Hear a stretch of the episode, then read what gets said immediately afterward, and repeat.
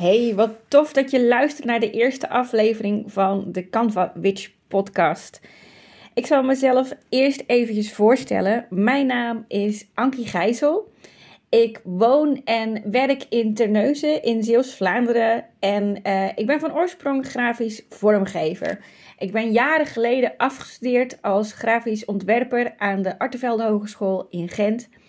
En na een carrière in het bedrijfsleven, verschillende banen gehad als DTP'er, ontwerper en designmanager, um, heb ik gekozen voor het fulltime ondernemerschap begin 2018. Canva was even daarvoor al op mijn pad gekomen. Ik, uh, ik maakte ontwerpen voor klanten en ik hoorde steeds vaker de vraag: ik wil eigenlijk zelf mijn ontwerp kunnen aanpassen. Dus ik ben op zoek gegaan naar verschillende mogelijkheden daarvoor. En ik kon het die klant natuurlijk niet aandoen om dure software als bijvoorbeeld Adobe InDesign aan te schaffen. Dus ik was echt op zoek naar een goedkope oplossing hiervoor. En zo kwam ik twee softwarepakketten tegen die online waren. En dat is Canva en Crello. Ik ben die alle twee naast elkaar gaan gebruiken en gaan testen. En op dat moment, ik denk dat het 2017 was, kwam Canva gewoon als beste uit de test. Dus ik maakte mijn ontwerpen nog steeds in InDesign of in Illustrator. En vervolgens converteerde ik die naar Canva. En zorgde dat bepaalde delen bewerkbaar waren voor mijn klant. Ik gaf een korte uitlegvideo erbij.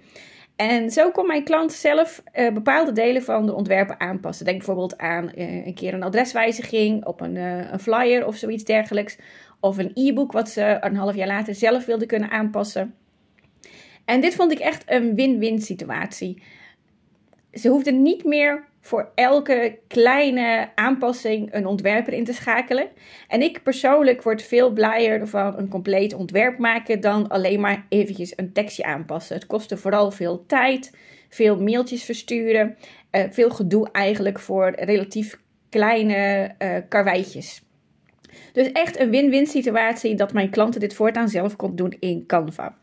Nou, ik ben het verder gaan onderzoeken en van lieverlee ben ik Canva steeds meer gaan gebruiken. Voor mezelf ook, voor mijn klanten.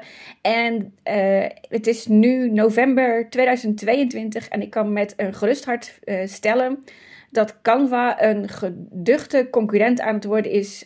Niet aan het worden, is gewoon voor Adobe InDesign, Illustrator en Photoshop. Je kunt steeds meer met Canva. Nou, ik ben uh, tijdens de eerste lockdown eh, ben ik begonnen met het geven ook van online Canva cursussen. En dit was echt een schot in de roos. Ik merkte dat hier een enorme markt voor was. En ik ben het verder gaan onderzoeken. En vorig jaar, 2021, ben ik mezelf gaan profileren als Canva Witch. Ik was toen ook al door Canva uitgeroepen als een van de eerste Canva Champions. Wat inhield dat ik uh, affiliate was voor Canva. Ik kreeg als eerste bepaalde dingen te horen van hen en er was een fijne Canva community aangekoppeld. En sinds dit jaar, begin van de zomer, ben ik ook Canvassador. Canva heeft opgemerkt dat ik uh, best wel veel promotie maak voor hen en uh, dat wordt gewaardeerd. Dus ik ben nu Canvassador, mag me trots zo noemen. En uh, ik ben dus echt een ambassadeur van Canva geworden.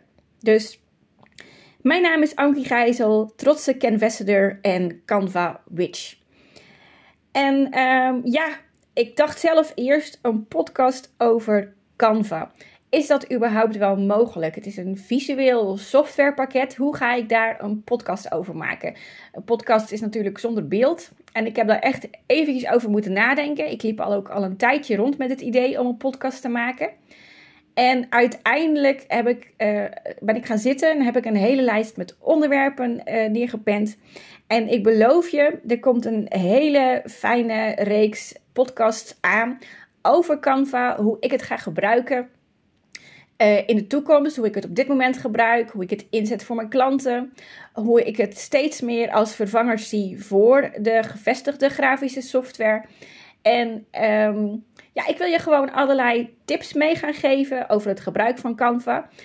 Maar ook hoe jij je met behulp van Canva steeds uh, verder kunt gaan ontwikkelen. En ook zelf steeds beter in de markt uh, kan komen te staan. Nou, dit was een, een korte introductie.